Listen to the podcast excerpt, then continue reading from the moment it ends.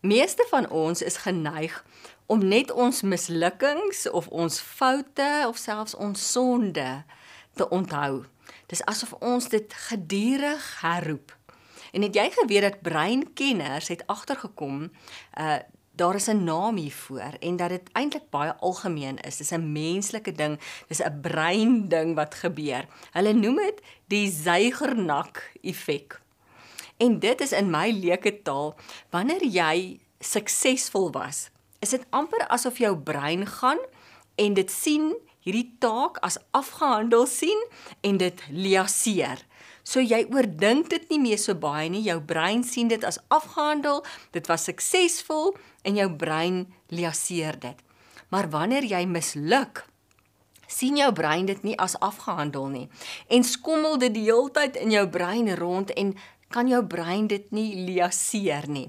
En daarom is dit vir ons so maklik om gedurig ons foute en ons mislukkings te herroep en dit die heeltyd te oordink want dit is die Zeigernak effek. Dit is maar 'n brein ding wat jou brein doen. En daarom is dit belangrik om om bewus te wees hiervan. As jy gedurig daai mislukkings herroep en dit oordink, dan laat jy in die eerste plek bewus raak van dit wat jy dink, raak bewus van jou gedagte wêreld. Hoekom oordink ek hierdie ding? My brein sien dit nie as afgehandel nie.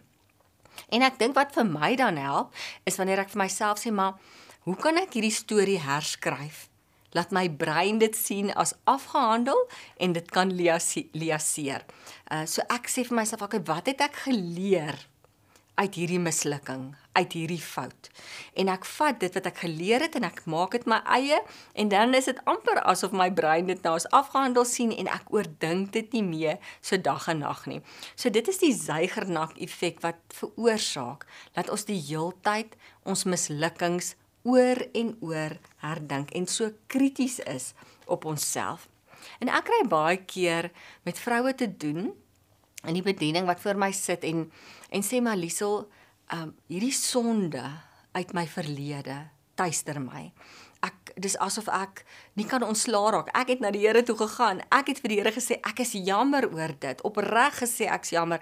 Ek leef in verhouding met hom, maar gedurig kom hierdie skuldgevoelens terug na my toe. amper asof hulle dink maar hulle skuldgevoelens gaan hulle vryspreek, né? En eintlik is dit God se genade.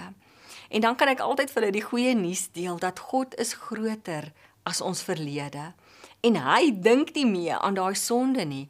En daarom moet jy ook nie meer gedurig daaraan dink nie. Dan vertel ek die storie van hierdie seun en hy het amper verdrink en daar het 'n man verbygekom en hy verby, stap verby hierdie rivier en hier sien hy verdrink 'n kind amper en hy spring in en hy red hierdie kind se lewe.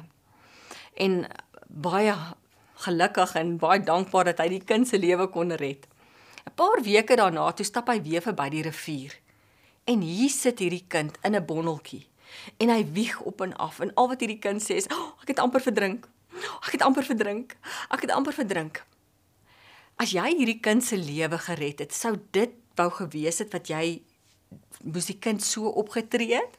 Nee. Jy gaan mos nou voel, "Jo, maar ek het hierdie kind se lewe gered en hy moet nou gaan en voluit leef en hy moet met passie leef en hy moet skool toe gaan en hy moet sy matriek kry en hy moet gaan leer en trou en kinders hê en gelukkig wees want ek het sy lewe gered." Hy moet nie daar op 'n hoopie sit en die hele tyd top oor die feit dat hy amper verdrink het nie. En hierdie storie is vir my so 'n mooi metafoor van God wat ook vir ons sê, ja, jy het verkeerd gedoen. Jy het gesondig. Maar my seun het 'n duur prys betaal en en jy is opreg jammer en ek vat daai skuld en ek gooi dit in die diep see en ek dink nie weer daaraan nie. Ek verwyder dit so ver as wat die ooste van die weste af is. En nou wil ek hê jy moet voluit leef. Jy moenie meer met hierdie stuk swaar lood om jou voet leef dat jy nie voluit kan leef en met selfvertroue leef omrede jy dink hier sonde uit my verlede wat my tuister nie. Genade is so groot, uh, ons verstaan dit eintlik nie eers nie, né? As mense maak genade nie vir ons sin nie, want uh, ons is gestel op verdienste. Jy moet iets verdien. Maar God se genade is so groot en daarom kan jy vry leef. En kan jy voluit leef en kan jy met passie leef? Hy's groter as jou verlede. En hy het jou vergewe. Dis nou tyd dat jy daai vergifnis jou eie maak en ook vry leef en voluit leef en met selfvertroue leef as sy kind, as God se kind. Jy kan 'n soos hulle in Engels sê, 'n humble confidence 'n humble confidence hê, 'n nederige selfvertroue hê en weet maar hy het jou vergeef. Jy is syne. Hê genade vir jouself. Want God het genade vir jou.